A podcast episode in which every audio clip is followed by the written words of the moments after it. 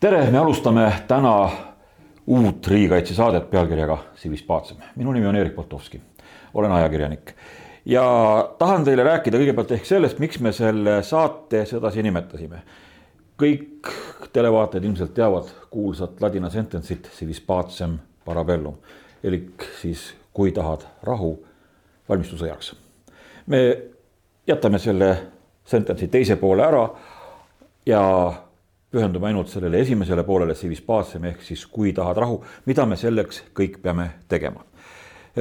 ja selle arutamiseks olen ma siia kutsunud täna Uute Uudiste stuudiosse Riigikogu liikmed, reservkolonelleitnant Leo Kunnase ja reserv kindralmajori Alar Lanemanni. ütlesin auast õieti või on juba auast tõusnud? aitäh, see tegelikult brigaadikindral. brigaadikindral, vabandust ma tahaksin sissejuhatuseks küsida teie käest esimeses saates seda, et mis asi on üldse riigikaitse, kui laia teemade ringi riigikaitse mõte üldse võib käsitleda. meil on siin olnud hiljaaegu ka selline asi, et, et Lõuna-Eestis oli suur torm. kas ja kui palju saab Kaitsevägi, Kaitseliit tsiviilelanikkonda sellisel juhul aidata? kujutame endale ette, et, et kümnetes ja kümnetes taludes on lehmad lüpsmata, kuna elekter on ära samal ajal kaitseväel on kusagil generaatorid, millega saaks seda uuesti võib-olla taludesse panna või ühendada kuidagi neid või? kumb teist rääkima hakkab? no alustame siis ja. pihta, et, et sõjaline riigikaitse on ainult osa, mitte kõige tähtsam osa riigikaitsest ehk meil on laiapõhjalise riigikaitse kontseptsioon ehk siis vana nimega totaalkaitse kontseptsioon, mis siis peaks hõlmama kõiki ühiskondliku elu valdkondi. ehk siis hästi lihtsalt maakeeles kriisi ja sõja ajal peavad kõik ühiskonna samad funktsioonid, mis rahuajalgi edasi toimima. et inimesed nii rahu kui sõja ajal, mida nad vajavad, nad vajavad vett, toitu, energiat, kütust. Nad peavad saama lahingutegevuse piirkonnast evakueeritud. Nad vajavad meditsiiniabi siis ühiskondlik kord peab säilima, ehk siis politsei peab suutma täita oma funktsioone. loomulikult Päästeameti funktsioonid hüppeliselt laienevad sõja korral, sest ju mürsud ja pommid tekitavad purustusi. kõik see keeruline kompleks peab ka kriisi ja sõja ajal toimima ja sõjaline riigikaitse on ainult üks osa sellest, et kui me ei suuda inimesi sõja ajal elus hoida siis eh, ma pean silmas tsiviilelanikkonda, siis eh, väga palju meie võidust ei oleks abi. keda me sellisel juhul kaitseme, eks ole, jah? Leo jutu jätkuks ma ütleks mõned tähelepanekud. Eh, riigikaitse puhul on enamasti ikkagi räägitud riigi sõjalisest kaitsest ja Äh, mulle tundub, et on äh, unustatud ära, mis asi on tegelikult riik. riik on, no kõige tuntum definitsioon on territoorium, tema kodanikkond või elanikkond moodsamalt öeldes ja toimiv administratsioon. et äh, me pühendame väga palju aega ja ressursse ja planeerimist sellele, kuidas kaitsta territooriumi, kuidas tagada riigistruktuuride turvalisus sealhulgas aga elanikkonnakaitse on äh, olnud selline midagi väga iseenesestmõistetavat ja nagu kodanike vastutus. ja, ja selles mõttes see torm, mis tabas ennekõike Lõuna-Eestit, on selline hea äh, võimalus mida ei tohiks nüüd lasta raisku minna. Äh, ühest küljest vedas, et see torm oli seal. küll oli seal alasid, kus oli palju eraldi asuvaid ütleme nii, tarbijaid, talud ja, ja, ja külad, tekitas läbivusega probleeme, aga elanikkonna üldine arv oli ju väike. kui selline suur torm oleks olnud sellises keskmise suurusega linnas või, või isegi Tallinnas või Tartus. Harjumaal. Harjumaal, siis me oleksime näinud tõsiseid hädasid, sest alati lisaks tormikahjudele on alati inimesi, kellel on vaja kiiresti arsti juurde pääseda, sünnitajad, mingid olmeõnnetused lisaks. et see elanikkonnakaitse ja nagu Leo väga hästi ütles, et see riigikaitse on võib-olla natuke liiga tehniliseks aetud, tegelikult riigi toimiv, riigi toimevõime tagada normaalne elu ka halva ilma korral ja ka siis, kui näiteks mingid noh, vaenlane ähvardab. et, et see, see sellest tehnoloogilisest sellisest lähenemisest, ma olen ise veendunud äh, selles kordades, kus küsitakse, kas kuidas te olete koha peal kriisiks valmistunud. vot meil on erinevad plaanid. aga kas teil generaator on? vot generaatorit ei ole. et mm. äh, tuleb minna lihtsaks tagasi ja vaadata, mis juhtub siis, kas mul on need asjad olemas, teised ja kolmandad. Päästeamet on viimasel ajal teinud äh, ja ka kaitseministeerium üsna kasulikke samme selle teadvustamiseks. aga siin on väga palju veel edasi teha, see ei ole keeruline, aga sellega tuleb nüüd tegeleda. ja ma hiljem võib-olla räägin, siin märksõnad on vastutus. see on meil täiesti ära unustatud. riigi elutähtsa funktsiooni eest vastutav ettevõte peab ära unustama, et ta on hea ilma ettevõte. meie elektrivarustuse eest vastutavad ettevõtted on hea näide. kuskohast on nad võtnud selle arusaama, et tormi puhul on aktsepteeritav, et päevade kaupa inimesed on ilma elektrita. see, see on natuke kummaline. nii et siin on vastutuse küsimus ja, ja vastutuse puhul ma peaks ütlema ka seda, et see ei ole süüdlaste otsimise jaht. vastutuse küsimus on palju sügavam. tormi üks efekt, millest vähe on räägitud, aga äh, kommentaarides oli seda näha. kui riik ei toimi ja tormikahjud piisavalt ruttu ei saa likvideeritud. see õõnestab seda kõige tähtsamat, mis meil on, see on usk oma riiki, kaitsetahet ja kõike muud. inimene näiteks käib ajateenistust, on oma kohuse täitnud, läheb oma metsatallu, siis on ta viis päeva või nädal aega ilma elektrita, tal on väga palju erinevaid probleeme. siis tekib küsimus, et kuulge et vastutuse küsimus on üks asi, mis kindlasti tuleb uuesti päevakorda tõsta. meil on saates võimalus kohe küsida tegelikult esimesest allikast, sellepärast ma tean, et, et, et Leo Kunnase juured on just nimelt Võrumaal ja, ja Setumaal, eks ole, et, et kuidas need olud on, et ma kujutan endale ette, et olukorda talus, kus äkki läheb päevadeks elekter ära, sul ei olegi võimalik seda tagasi saada. kümme lehma laudas, lambad, veel e-, e-, elukaid seal kaevust noh, kui palju juba kümnele lehmale vett tassida, aga kui kaev on elektri peal, elektripumba peal, mis siis saab?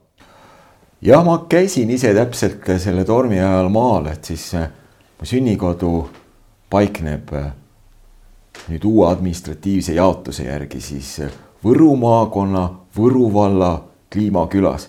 ehkki Kliimaküla Võrust on küll kohalikus mastaabis peaaegu valgusaastate kaugusel. et käisin ise seal esmaspäeval ja tulin teisipäeval tagasi. et loomulikult elektrit ei olnud, et kliimakülla elekter jõudis tagasi neljapäeva õhtuks muide. kui palju päevi see oli siis? neljas päev, neli päeva seal elektrit ei olnud, mina tulin juba teisipäeval ära.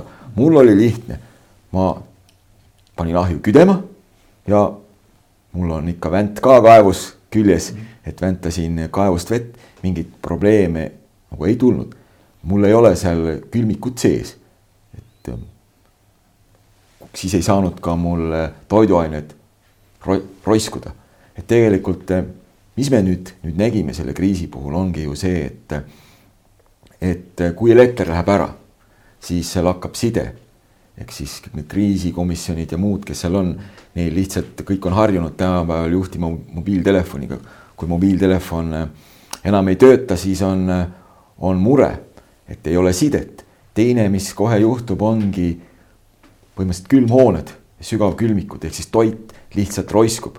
et äh, kindlasti ka inimestel, kellel oli nüüd mingeid talvevarusid äh, külmikutes ja sügavkülmas nüüd äh, selle liiga pika katkestuse tagajärjel noh, kaotasid oma varud. et siis elekter on praeguse infoühiskonna A ja O. et elekter, kui see kriisi ja sõja ajal kaob, kui ta praegu lihtsalt rahuajal lihtsalt mõne alajaama ja mõningate liinide nii-öelda rivist väljamineku tõttu läks nii kauaks ära ja sinna neid jõupingutusi, mis seal rakendati, seal ei olnud mingit vaenlast segamas nii-öelda, siis, siis me võime ju ette kujutada, et mis sõja ajal toimub, ma olen ka seda oma raamatus Sõda kaks tuhat kakskümmend kolm selles koljati ehk punases stsenaariumis ka kirjeldanud, et nüüd meil oli seesama olukord tegelikult minivariandis ja me nägime tegelikult seda, mis nii-öelda elektri katkestus või kaotamine, mida see siis meile tähendab? jah, Leo juhatas õigele rajale. et kujutageme nüüd ette, et äh, ootamatu kallaletungi ettevalmistavas faasis rünnataksegi meie elektrivõrke ja sidevõrke. Äh, viimastest kaitseväe õppustest me mäletame, et, et nägime selliseid väga positiivseid reportaaže sellest, kuidas äh, mobilisatsiooni või ütleme, korraldamine, reservväelaste kokkukutsumine teostatakse elektrooniliste vahendite abil. Võru olukorda nüüd sellega sidudes või Lõuna-Eesti tormi olukorda äh, on kohe tugevalt häiritud äh, reservväelaste kogumine. et sellepärast ma ütlen, et see torm on hea võimalus äh, teha vigade parandus ja võib-olla võtta uuesti üles asjad, mis me oleme ära unustanud. aga ennem ma rääkisin vastutusest ja ma ei tahaks, et see jääks kõlama kuidagi nagu süüdlaste või nõiajahi teemana. Äh, üks asi, kui vastutuse, äh, vastutusega seotud isikud nagu öeldakse, luubi alla võetakse, on see, et see on signaal ühiskonnale, et käsuahelad on olemas me teame, kes selle lõigu eest vastutas. Äh, teine signaal on see, et juhtum on uuritud, vastutus on määratud, inimese suhtes on kas öeldud, et tööta edasi tubli või sa pead minema jõukohasemale tööle. Juhtum on siis lõpetatud avalikkuse jaoks ja annab ka kindlustunnet. ja, ja, ja kolmas on sõnum järeltulijale, et järgmine inimene, kes tuleb elektrisüsteemi juhtima Lõuna-Eestisse, teab, et tal peab olema ka plaan halva ilma puhuks ja ta peab hakkama selleks äh, plaane, äh, plaane koostama, arendama, investeerima, toimetama. et, et need asjad on tegelikult lihtsad, et meil on kõik, ma ei tea seniajani, mismoodi meie äh, ütleme elutähtsate funktsioonide eest vastutavad isikud seda juhtumit hindavad, kas kõik oli hästi, inimesed küll kannatasid, aga ma ei ole näinud mingeid selliseid järeldusi. et ähm, see on halb märk, see tähendab, et järgmise tormiga on kõik samamoodi.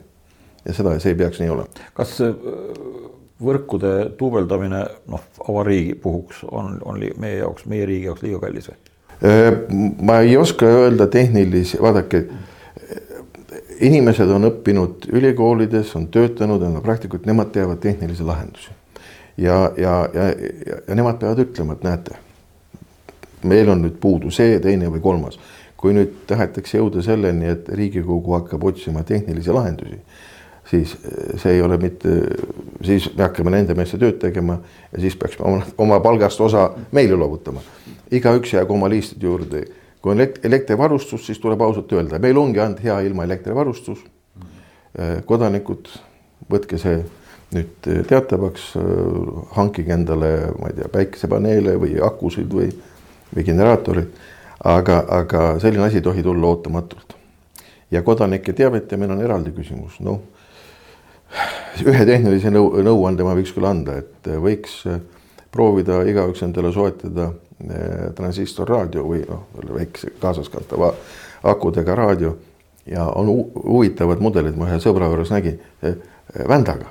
saad ise, seal on väike generaator sees, lööd vänta ja tund aega saad kuulata.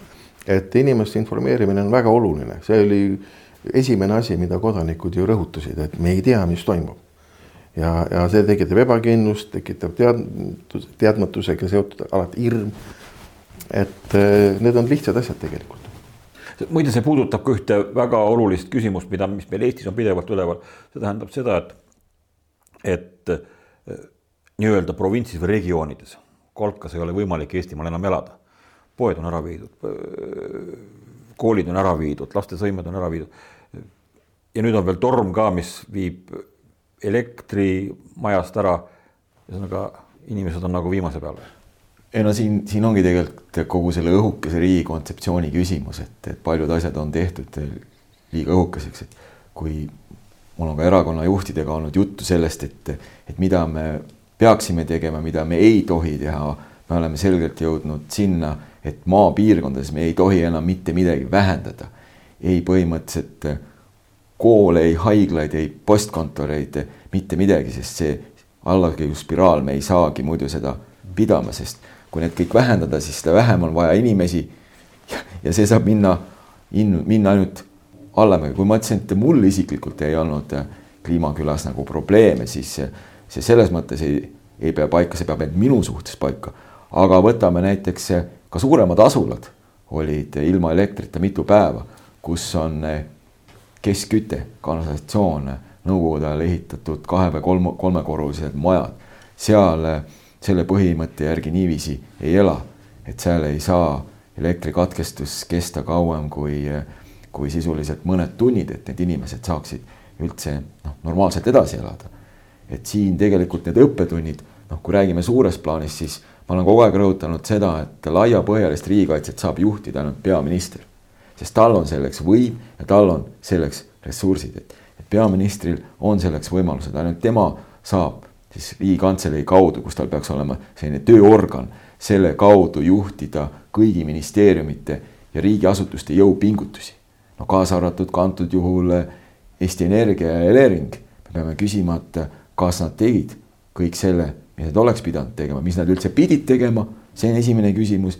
ja teine küsimus on see, kas nad siis on te selle teinud nüüd. nüüd ongi, et kui mingid ülesanded polnud üldse määratletud, siis tuleb, on viimane aeg nüüd need määratleda, sest kui on määratletud ülesanded õieti ja pandud sinna alla ka mingi ressurss, siis me saame ka need ülesanded ju täita ja viia olukorda selleni, et kui järgmine kord midagi juhtub, et, et täpselt sama situatsioon ei korduks. et siit on ju selged, selged õppetunnid meile kõigile ja loomulikult kohalikud omavalitsused on järgmine tasand. Nüüd alles toimus äh, suur haldusreform, uued suured äh, vallad. küsimus ongi selles, et, et vahepeal kadus ka nüüd ju ära maakond. kui kadus ära maavalitsus, siis kadusid ära ka ju kõik koos maavalitsusega need plaanid ja see kogu töö, mis äh, maavalitsustes oli tehtud. et nüüd, äh, mis seda siis asendab või korvab? et tõsised küsimused iseenesest ja noh, parem on need küsimused esitada nüüd ja minna edasi selle õppetunni valguses, kui meil tuleb mingi palju tõsisem õppetund. Õnneks olid plusskraadid, eks ole, kui see oleks toimunud ta talvetorm, nii nagu Padaorus oli aastaid tagasi, kus lumi mattis sõna otseses mõttes kõik enda all kinni, olid suured miinuskraadid, et siis ol, vist olukord oleks olnud täiesti katastroofiline. ma tahaks veel öelda siin selle kohalike võimude osas, et äh, siin on ka kõvasti arenguruumi ja, ja kohalikud omavalitsused on üks koht, kuhu äh, meie inimesed võiksid oma küsimustega pöörduda, sest kohalik omavalitsus vastutab omavalitsuse alal toimuva eest ja, ja natuke siin võib-olla ma olin ülekohtune siin energiavarustusega tegelevate organisatsioonide suhtes.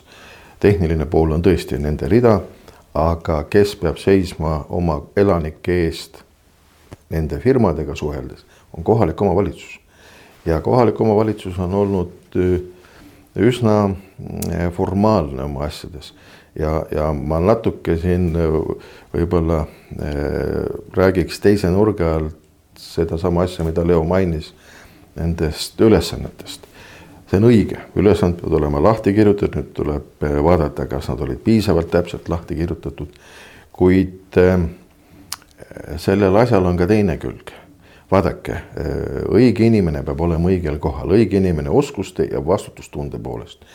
ja me kõik teame, et kui on õige inimene, aga tal ei ole täpseid juhiseid, ta teeb ikkagi õiget asja.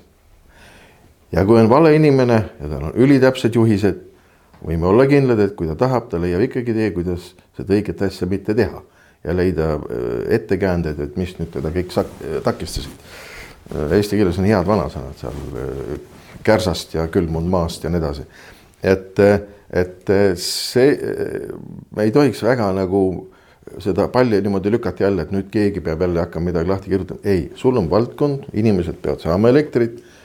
no kuidas sa nüüd seda teed, isegi kui sul ei ole ühtegi vaba lehte ette antud, kui sa oled ameti vastu võtnud, sa oled võtnud ka selle vastutusvaldkonna.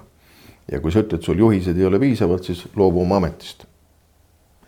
kui sa tahad palka saada, aga ütled, et näed, ei saa teha. see on minu arust üks selline levinud suhtumine, millest peab lahti saama, et äh, võtad palka, näitage tulemust. vahetaks teemat, meil oli siin äh, nädal aega tagasi, kolmekümne esimesel oktoobril Toompea lossis äh, konverentsisaalis Eesti Reservohvitseride Kogu juristide sektsiooni korraldatud sümpoosium pealkirjaga äh, Riigikaitsekohus, kas ja kuidas. see pealkiri päris täpselt ei, ei kajasta seda, mis tegelikult räägiti, räägiti Eesti mm, riigikaitsekohtute süsteemi toimimise ja siis sõjaaja seaduste läbimõtlemise vajadusest. kuna siis noh, ümbritsev maailm meil näitab seda, et, et me peame selliseks olukorraks äh, valmis olema, kui rohelised mehikesed tulevad juba üle piiri, siis on nagu vist ilmselt nende asjade peale hilja mõelda. Äh,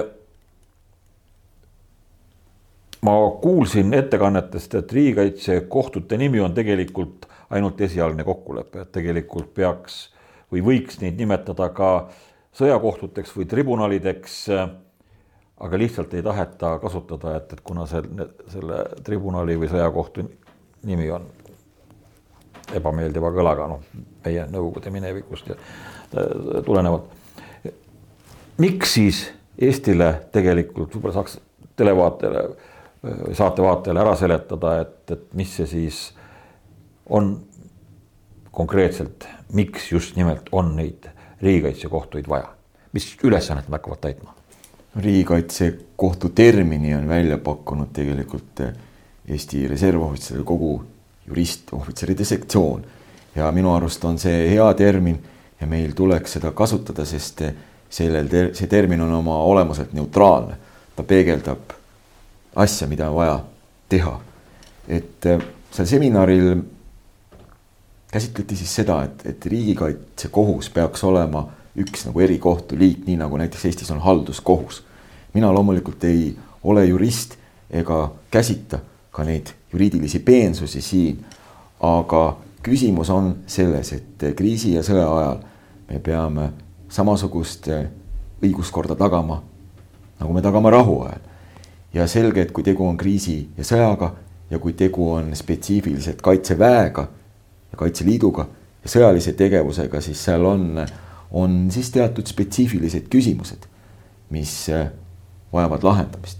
meil käis siin Ukraina tegelikult kogu sõjakoht, tähendab kogu juriidilise süsteemi nii-öelda asejuht. koloneli auastmes mees, kes, kes on ise ka seal sõjategevuses olnud kohtupidamisega seotud. ja ta tõi välja selle, et, et koos nende reformidega, mis Ukrainas tehti enne sõja algust, kaks tuhat neliteist, kaotati näiteks ära ajateenistus ja kõike muud, aga seal kaotati ära ka sõjakohtud ja siis, kui kaks tuhat neliteist, viisteist tuli sõda, siis tegelikult eh, väga mitmed kohtuasjad, mis sellest ajast on algatatud, on siiamaani lahendamata, sest tsiviilkohtusüsteem ei ole suutnud neid lahendada. Ja, ja see ka see sõjakohtute kohtusüsteemi puudumine oli võib-olla üks tegureid, mis viis selleni, et, et Krimm anti võitluseta käest ja Donbassis on olukord selline milline ta siis on, ehk siis osa sellest on okupeeritud, et, et Ukraina vanemohvitser tõi selgelt välja selle puudujäägi, mis neil on ja nüüd Ukraina püüab siis seda viga parandada, ehk küsisime ka nendelt, et miks see siis nii kaua võttis. Neil nad ütlesid ka, et, et, et neil oli sõjaga, nagu nad olid tegevuses, et neil ei olnud aega tegeleda selle kohtusüsteemiga. aga me oleme para-, paradoksaalses olukorras ses mõttes, et kui me vaatame meie naabreid meie põhjanaabritel, soomlastel on kogu aeg olnud see süsteem juba põhimõtteliselt noh, läbi kogu iseseisvusaja, kaasa arvatud ka sõdade ajal. ka meil oli see süsteem loomulikult, me lõime selle kiirkorras Vabadussõja ajal, rakendasime seda üsna otsustavalt.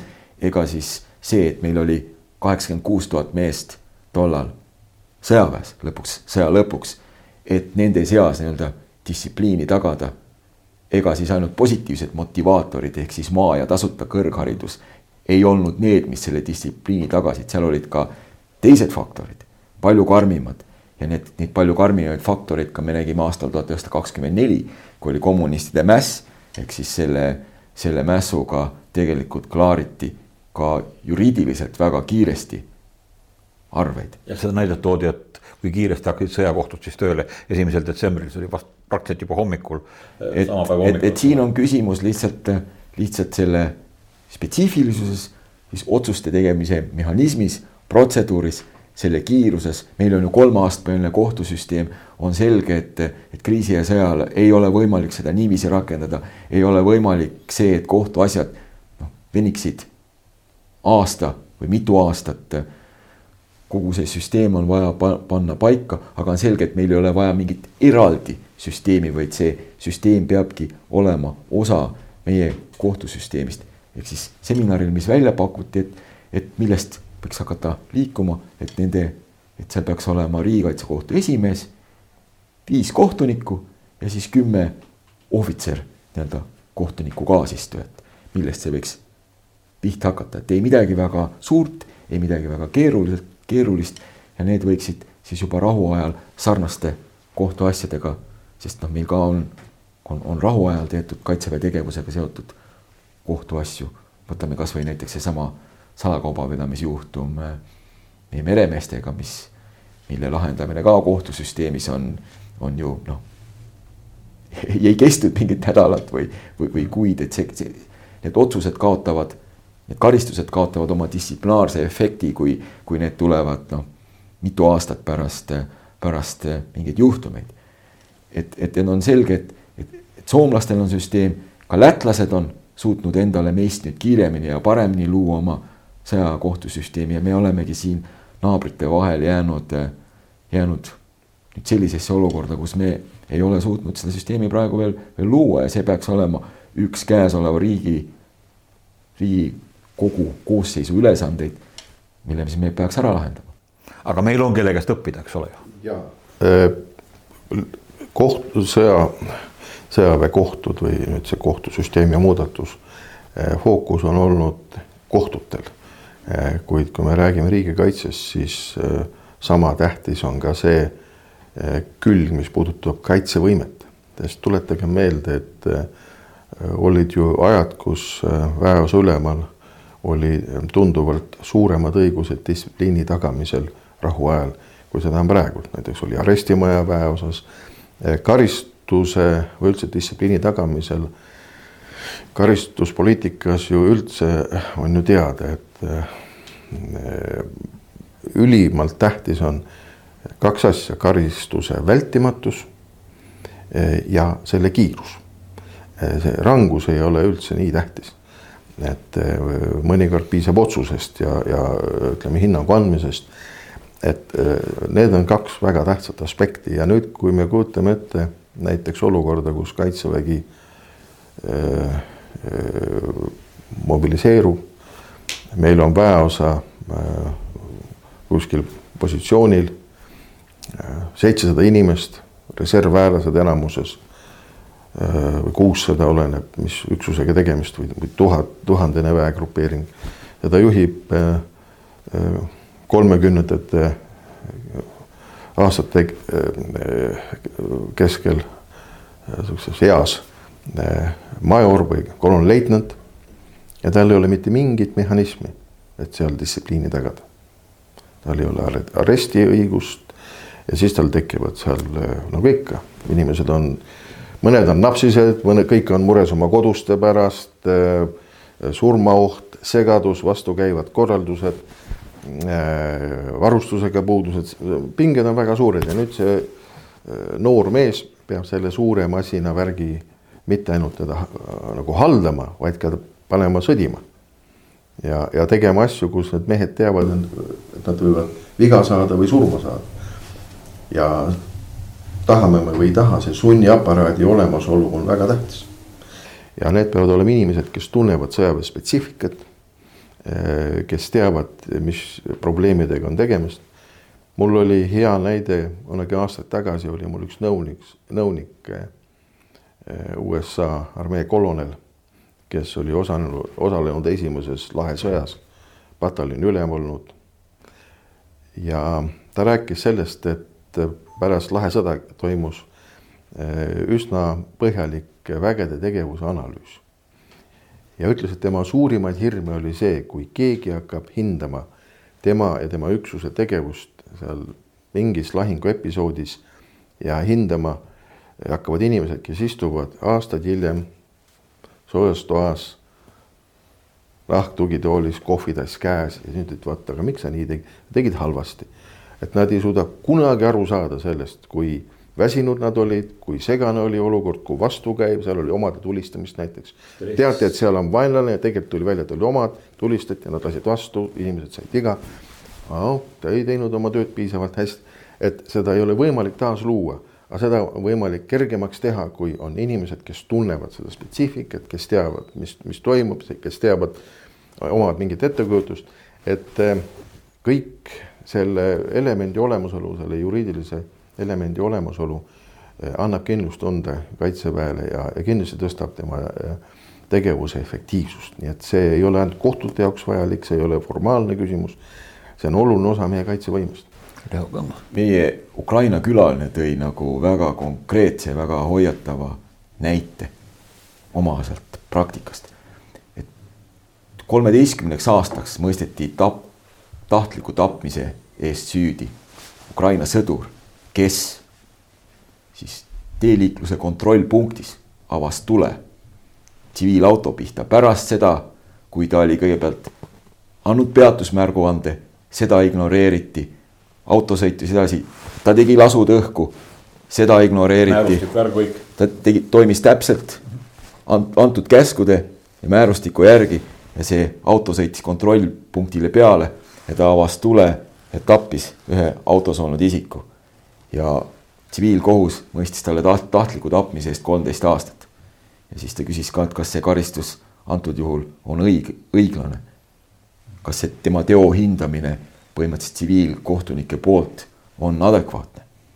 ja noh, ta vastas ka, et, et see ei ole nii ja sellised olukorrad on, on teki-, tekitanud loomulikult ka Ukraina sõdurite seas palju küsimusi, et, et kuidas need asjad toimivad ja loomulikult järgmine kord nii need ülemad kui sõdurid mõtlevad tükk aega, et mida nad siis teevad. aga see loomulikult ei lase neil efektiivselt tegutseda lahinguolukorras. siin on väga tõsised küsimused. kujutame endale ette, et järgmine kord sõidab plokkposti sisse äh, lõhkelaenguga auto ja sellisel juhul on kõik, kes selles plokkpostil inimesed asuvad, lihtsalt lendavad õhku. see on hea näide ja me võime ju tuua paralleele, on riike, kus näiteks tunnimehe teenistus on väga selgelt korraldatud nii, et tunnimees on puutumatu isik, postijala ja tal on ainult kaks ülemust, see, kes ta sinna postile tõi ja tema vahtkonna ülem ja ei ole mingit kahtlust, kui on sissetung, tema on puutumatu isik, tema tegutseb. tuleb kasvõi väeosa ülem, pannakse lume peale maha või maha, jah. on olnud ju traagilisi juhtumeid, kus väeosa ülem või, või väeosa mingi ohvitser on otsustanud kontrollida ootamatult ja on juhtunud õnnetusi. et ja on olnud ka ju Eestis olukord, kus tunnimehe poolt selle nõude eiramine tõi kaasa selle, et tunnimees tapeti, rööviti ta relv ja minu arust sooritati veel kuritegu siinsamas Tallinnas. Äh, kas oli see taksojuhi tapmine või midagi taolist, et äh, aga tunnimees tapeti, sest et ta lasi oma sõbra postile, aga sõbral olid kurjad kavatsused. nii et see juriidiline külg on väga tähtis, see annab sõduritele kindlustunde ja ka kaitseb teda kui ta on ikkagi kõik asjad teinud õigesti, aga juhtus äh, arusaamatus, ma ei tea, mis selle autoga seal oli, siis midagi pole teha, see tunnimees või see sõdur seal postil peab saama kaitse. Tema tegi oma tööd nii, nagu talle öeldi, täitis öö, äh, oma kohust, seda, see ei tohi olla karistatav mille poolest sõjakohtud, läheme nende samade sõjakohtute ja tsiviilkohtute juurde tagasi, mille poolest tegelikult sõjakohtud ja tsiviilkohtud siis erinevad, et teeks nagu võib-olla just saate vaataja tahaks seda teada, tsivilist. kasutaks ikkagi sedasama konkreetset terminit riigikaitsekohus, kui me oleme selle kasutusele võtnud, et, et ei tekiks nagu mingeid segadusi siin selles, et, et millest me räägime. ehk siis need, needsamad kohtunikud, kes siin tegutsevad peavad saama lihtsalt vastava väljaõppe. selle kohtute seaduse muutmise eelnõu järgi, mille siis reservohvitseridest juristid välja on töötanud, selle järgi ka need kohtunikud ehk siis riigikaitsekohtuniku, riigikaitsekohtu tsiviilkohtunikud peaksid olema ohvitserid, auastmed, neil peaks olema ohvitseri auaste, ehk nad peaksid olema siis saanud, saanud teatud põhilise väljaõppe. et nad suudaksid nendest spetsiifilistest asjadest aru saada, et ei tekiks nagu õigusemõistmisel seda probleemi, et seda sõjaväelist konteksti siia ei suudeta nagu adekvaatselt hinnata või sisse tuua ja selleks loomulikult ongi vaja oma ettevalmistussüsteemi, neid selgeid kriteeriumeid, mille järgi siis need isikud äh, sinna riigikaitsekohtu nii esimees kui liikmeteks valitakse ja et nad saaksid juba rahuajal teenistuspraktika või siis kohtupraktika vastavates, vastavate juhtumite lahendamisel. Ja loomulikult äh, tavalisel rahuajal nad äh, täidavad oma, töötavad oma tavalistel kohtunike kohtadel erinevates äh, meie kohtuinstantsides. ja siis, kui see spetsiifiline vajadus tekib, siis see riigikaitsekohus tuleb kokku ja hakkab siis neid, hakkab siis töötama kas neid küsimusi arutatakse tsiviilseaduste järgi või see eeldab, see sõjakohtusüsteem eeldab ka seda, et meil võetakse vastu mingisugune äh, täitsa spetsiifilised sõjaaja seadused? ei no tegelikult äh, see eeldab kõigepealt seda, et, et muudetakse kohtute seadust, ehk siis pannakse paika selle süsteemi nagu põhikriteeriumid, et milline see siis on, et, et selline eelnõu, nagu ma mainisin, on juba reservohvitseridest, juristohvitseride poolt tehtud nüüd järgmine palju tõsisem küsimus on juba kogu see menetlus.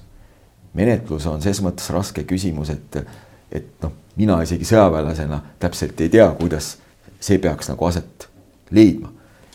See on tegelikult juba justiitsministeeriumi ametnike ja, ja siis kohtusüsteemi teha, et see spetsiifika nii-öelda et need menetluse erinevused, et mille poolest see menetlus peaks erinema. loomulikult meil on, meil on üks kriminaalkoodeks, selle järgi me, me toimime, aga kuidas nüüd kriisi ja sõjaolukorras, noh, siin oli lihtne küsimus, et, et kui meil on kolmeastmeline kohtusüsteem, kas riigikaitsekohus peaks olema kolmeastmeline või mitte. siin seminaril vastati, et ei, see peaks olema kaheastmeline.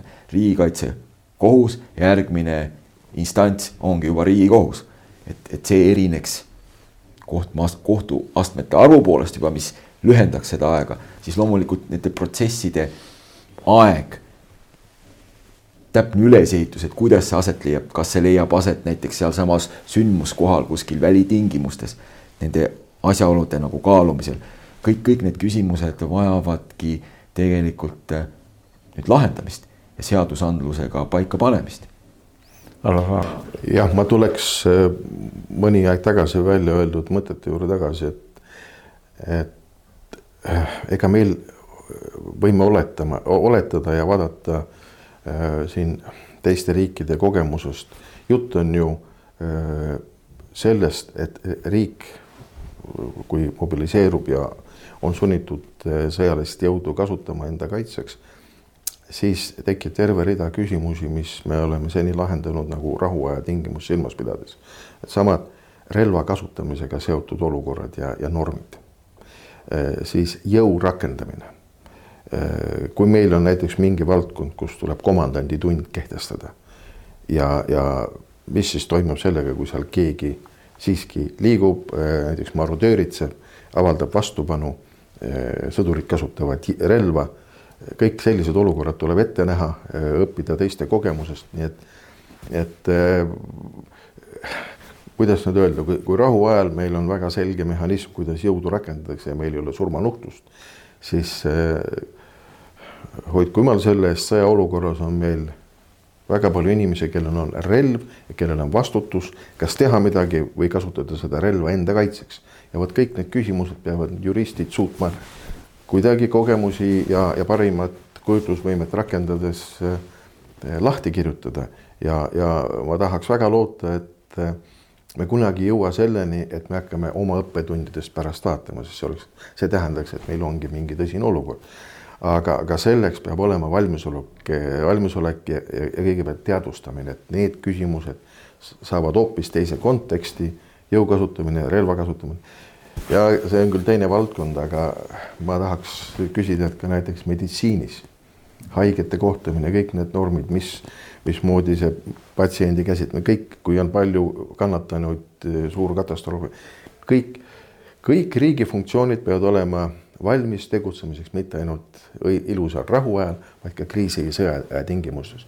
ja kõik vastutavad inimesed peavad küsima, aga mis minu valdkonnas muutub, kui meil nüüd on kaos, suur torm või kriis Kaitseliidu generaatoritest ja Kaitseväe generaatoritest, ma tahaks öelda Neid saab kasutada ainult nii kaua, kui Kaitsevägi, Kaitseliit ei pea hakkama oma sõjaülesannetega tegelema. siis nad võetakse ära ja nad teenindavad sõjalist riigikaitset. Nii et ainult selle peale loota eh, on, on nagu pool lootust. Eh, saate vaatajal kindlasti tekib küsimus, et mis hetkel sellised eh, seadused ja need tribunalid või riigikaitsekohtud võiksid tegutsema hakata, mis hetkest alates kas sellest hetkest alates, kui sõda kuulutatakse, aga Ukrainas ei kuulutatudki sõda? ka, ka seda käsitleti nüüd meie seminaril põhjalikult ja noh, praeguses selles samas äh, juristidest reservohvitseride poolt äh, koostatud projektis, et sõja, tähendab riigikaitsekohus põhimõtteliselt äh, võib tööd alustada juba esimese valmisoleku astme ehk siis, siis kõrgendatud valmidusse tõstmisel. et, et, et tõenäoline saab olema, et, et selles sõjas keegi sõda ei kuuluta, sõjaseisukorda, võib-olla isegi eriolukorda ei suudeta või ei kuulutata välja. et, et igal juhul see kohus saabki olla, ka see üleminek saab olla sujuv, et, et see teatud kontekstis juba tegutseb rahuajal, valmistub ette ja siis, kui meil on vaja valmisolekut tõsta, siis ta saaks nii-öelda sujuvalt ilma mingite eriliste eriliste käskude korralduseta hakata, hakata toimima. et see paindlikkus on, on siin ka just viimaste sõdade kogemustest lähtuvalt väga oluline. Tahaks natuke optimismi meie õhkkonda siia lisada, et, et eh, Moltke vanemale väidetavalt kuulub ütlus, et plaan on mitte midagi, planeerimine on kõik. et selliste teemadega tegelemine, nende peale mõtlemine ega mingi planeerimine, see on juba ettevalmistus. ja, ja meil on üks selline usk tekkinud Eestis, et kui sul on plaan, siis sa oled valmis. Ei ole. see plaan ise ei tähenda veel midagi, aga, aga kõik need faktorid, mis sa oled selle planeerimise käigus avastanud, kõik need mõttekäigud, eh, olukord tõenäoliselt on midagi muud, kui selles plaanis sa oled ette näinud aga kõik need faktorid ja mõttekäigud ja need äh, töösuhted, mis sa oled selle protsessi käigus loonud, vaat see on väärtuslik. ja nüüd juba mõeldes nende asjade peale, ma kujutan ette, et kui tekib, hoidku jumal jälle selle eest, olukord, kus meil see uus kohtusüsteem ei ole veel valmis, juba selle teemaga tegelemine on aidanud ka meie praegusel äh, ütleme, kohtusüsteemil ja õiguskaitsel teadvustada neid probleeme ja olla paremini valmis, et äh, et see on juba suur väärtus iseenesest.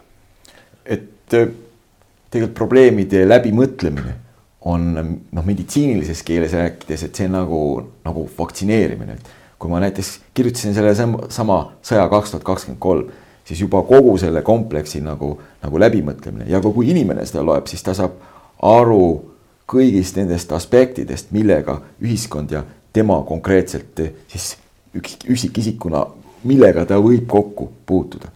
ja, ja siin ongi, et kui ametiisikud suudavad lihtsalt äh, mõnevõrra avardada oma kujutlusvõimet, selleks ei ole palju vaja, sõjad ju toimuvad, me näeme, mis toimub Ukrainas, Süürias, igal pool, see tuuakse puust ja punaselt meile iga päev, meile koju teleekraanilt. ja kui me oleme nii rumalad, et me sellest ei õpi ega saa nüüdisaegse sõja olemusest aru või siis arvame, et see mitte kunagi ei pruugi meid tabada.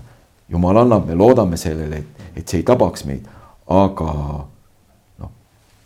antud juhul poliitikutena või ka riigiametnikena või ammugi sõjaväelastena vastutavatel ametikohal, kohtadel inimesed ei tohiks niiviisi mõelda, sest noh, nemad vastutavad.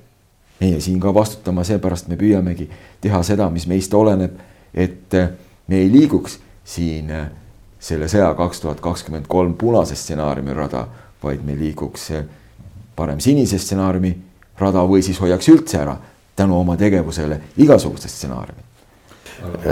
Selle optimistliku tooni jätkamiseks mul oli siin paar aastat tagasi kodus vool ära ja minu kõige suurem mure oli tegelikult selles, et nüüd äh, minu abikaasa peab tööle minema ja ta ei ole saanud oma harjumuspärast kohvitassi. tuli priimus välja otsida ja vett keeta ja kohvi teha ja mul endal ka muidugi, päev ei lähe nagu käima. sellised pisikesed asjad on olulised, et see on igaühe võimuses. Oma priimus koju hankida, vaadata, kas saab raadio või siis selle vändaga raadio, esmaabi kapp sisustada, nendest väikestest asjadest äh, alustada ja, ja, ja see mõte läheb juba siis käima, et tegelikult see suur ja keeruline sõna, see kriisivaldkond või sõjaväe kohtusüsteem, need on kõik ju lihtsad asjad. Nagu Leo väga hästi ütles jutu alguses, et see on, kuidas me tagame oma harjumuspärast turvalist elu ka siis, kui olukord on natuke keerulisemaks läinud. et äh, äh, maalähedasemaks tuleb muutuda. ma sain aru, reservohvitsi kogu sümpoosiumil rääkisime Leo Kunnasega sellel teemal ka ja et riigikaitsekohtu seadus või seadused saavad nüüd parlamendis, meie Riigikogus, saavad vaba tee, kas ma sain õieti asjast aru? jah, kindlasti, et selle Riigikogu koosseisu juures selle, meil on nii palju poliitilist konsensust küll, et me püüame selle küsimuse ühe olulisema küsimusena ära lahendada. et meie järgmine Riigikogu ei peaks sellega enam tegelema. vahetame enne saate lõppu siis ka ühe korra veel eh, teemat. üks küsimus, mida ma väga tahan puudutada, ma tahan puudutada just nimelt siin, just teie kui EKRE liikmetega rääkides. ma olen ajakirjanik ja üks küsimus, mida ma endale enda jaoks ise pealt püüan pidevalt selgeks mõelda, on see, et kas sõnavabadus on ka riigikaitse küsimus. mulle tundub, et on. kuna, kui inimesed ei saa informatsiooni, siis sellisel juhul ei ole võimalik meil elada ka demokraatlikus riigis. ja kui me ei saa elada demokraatlikus riigis, siis meil ei, ei ole enam mitte see Eesti Vabariik, mida, mille pärast me laulva revolutsiooni läbi viisime, mille eest me võitlesime tuhande üheksasaja üheksakümne esimesel aastal Augusti Butši ja nii edasi. ja mis meil õnnestus üllatusel no, kehtestada just nimelt selline, nagu me lootsime vabadusvõitluse ajal. niisiis, kas sõnavabadus on riigikaitse osa?